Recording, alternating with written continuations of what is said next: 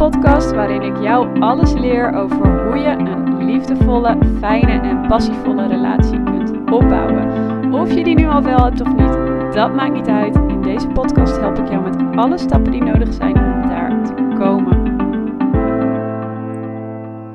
Hey lieve luisteraar, welkom bij weer een Leefde Liefde podcast. En in deze aflevering ga ik het met je hebben over de vraag: ben ik niet te kritisch? Want dit is toevallig een vraag die bij een van mijn klanten naar boven kwam. Zij heeft de gedachte: uh, is de reden dat ik nu nog steeds geen leuke man heb, is dat omdat ik te kritisch ben? Ben ik misschien te veel eisend? En zij hoort dat inmiddels ook van haar vriendinnen. Misschien ken je dat zelf ook wel, dat je dat op een gegeven moment hoort van mensen. Ja, misschien ben je wel te kritisch. En in deze aflevering wil ik met je doornemen dat jij nooit te kritisch kunt zijn maar wat dan wel helpt om bij jezelf te onderzoeken. Met kritisch zijn is niks mis. Het is heel erg goed om wel een standaard te hebben en niet zomaar met iedereen te gaan daten of met iedereen verder te gaan daten. Want wat mijn klant ervaarde, was dat ze maar verder ging daten met mannen die ze eigenlijk helemaal niet zo leuk vond, omdat ze vond dat ze niet zo kritisch mocht zijn. Gevolg was dat ze eigenlijk ook helemaal geen plezier meer haalde uit het daten en dat ze zoiets had van, ja, weet je, uh, moet ik dan maar op deze basis uh, met mensen verder gaan? Dat is absoluut niet wat je wil. Want als jij het enthousiasme verliest in daten, op welke basis wil je een relatie? Wat je dan aan het doen bent, en dat is wat mijn klant ook vertelde, is dat je het hebben van een relatie op zich belangrijker maakt dan de basis waarop je die relatie überhaupt wilt.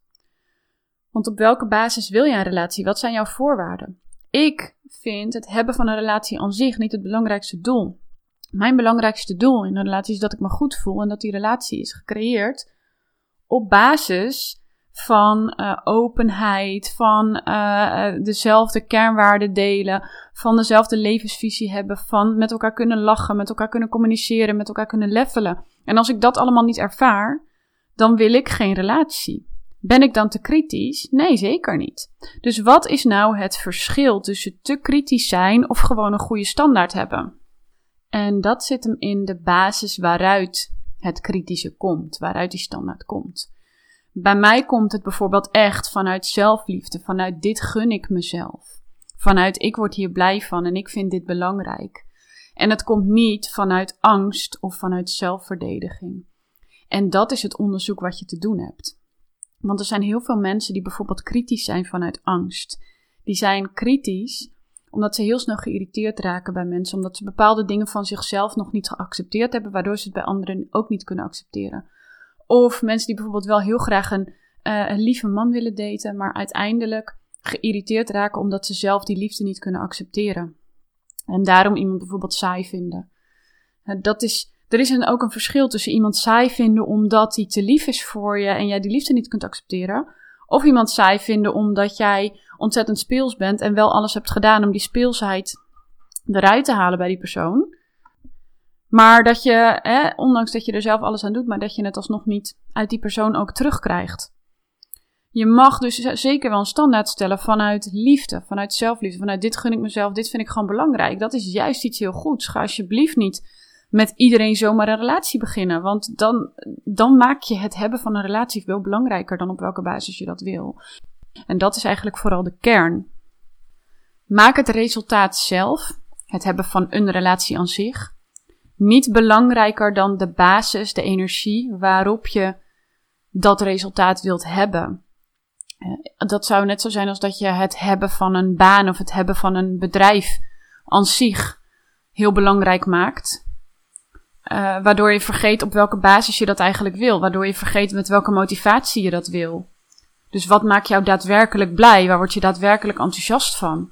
Als je dat stuk vergeet, en als je dat stuk mist, dan is het nooit duurzaam. Dus als jij niet kritisch bent op die dingen, als je niet kritisch bent op welke basis jij graag een relatie met iemand zou willen, uh, dan is het niet duurzaam en dan ga je op een gegeven moment knalt de relatie weer, omdat je gaat forceren. En een geforceerde energie is in mijn optiek nooit goed. Als je merkt, ik ben heel erg kritisch, kijk welke stukken van jouw standaard echt daadwerkelijk gebaseerd zijn op: hey, dit gun ik mezelf, dit vind ik gewoon belangrijk, vanuit een rustige, blije energie.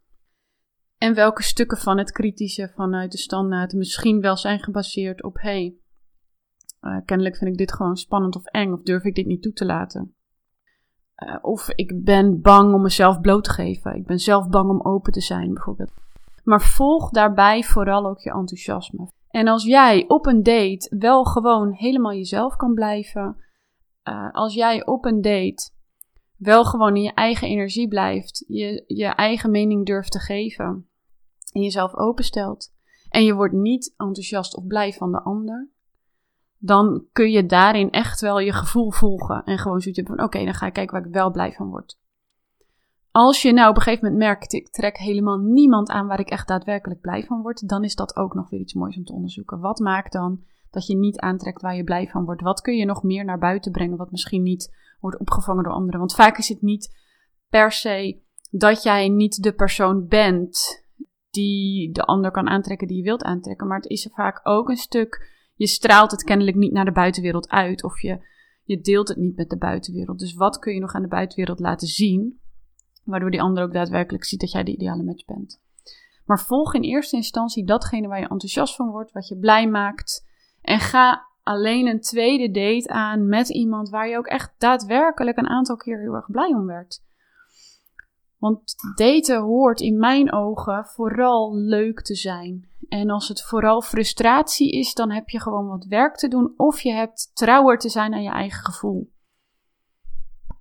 het gevaar is dat we nu tegenwoordig te veel trouw zijn aan de waarheid van anderen. Wat deze klant dus ook deed. Zij was nu eventjes trouw aan, oh ja, misschien ben ik dan wat te kritisch omdat mijn vriendinnen dat zeggen. Maar het allerbelangrijkste blijft altijd: het is jouw relatie. Wees trouw, aan jouw gevoel. En wat maakt jou blij? Wat maakt jou gelukkig? Trek je niet aan waar je blij van wordt? Check dan: hé, hey, wat maakt dat ik dat niet aantrek?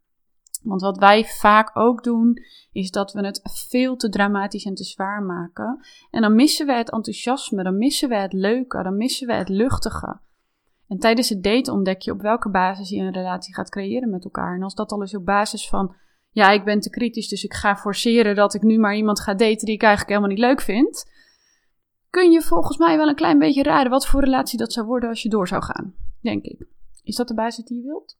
Ik denk het niet. Dus welke basis zou jij dan graag willen? En hoe kun jij zoveel mogelijk al in die basis beginnen op je eerste date? Wat zou jij nog kunnen doen? Wat zijn jouw volgende lessen? Wat zijn je volgende stappen? Onderzoek dat voor jezelf. En je kunt dus niet te kritisch zijn, maar je kunt wel kritisch zijn vanuit een energie die niet helpend is. Dus kritisch zijn vanuit angst en vanuit weerstand. In plaats van dat je kritisch bent vanuit, joh, ik weet gewoon, dit gun ik mezelf. Die laatste, hou die alsjeblieft vast. Die eerste, onderzoek. Wat kan ik nu als eerste doen om ervoor te zorgen dat ik bijvoorbeeld wel die liefde kan accepteren? Wat kan ik nu doen om ervoor te zorgen dat ik wel uh, lieve mannen kan toelaten? Wat kan ik doen om ervoor te zorgen dat mijn irritaties me niet meer irriteren? Welke overtuiging kan ik aangaan? Maar dat zijn dan weer je eigen lessen. Dat is aan jezelf om te onderzoeken. Uh, ik hoop in elk geval met deze podcast dat jij hebt geleerd dat te kritisch in feite niet bestaat. Dat dat altijd ligt aan vanuit welke energie komt het dat ik kritisch ben. En ik hoop dat je met deze podcast weer vanuit veel meer plezier en luchtigheid kan gaan daten. Thanks weer voor het luisteren en ik zie je weer bij een volgende aflevering.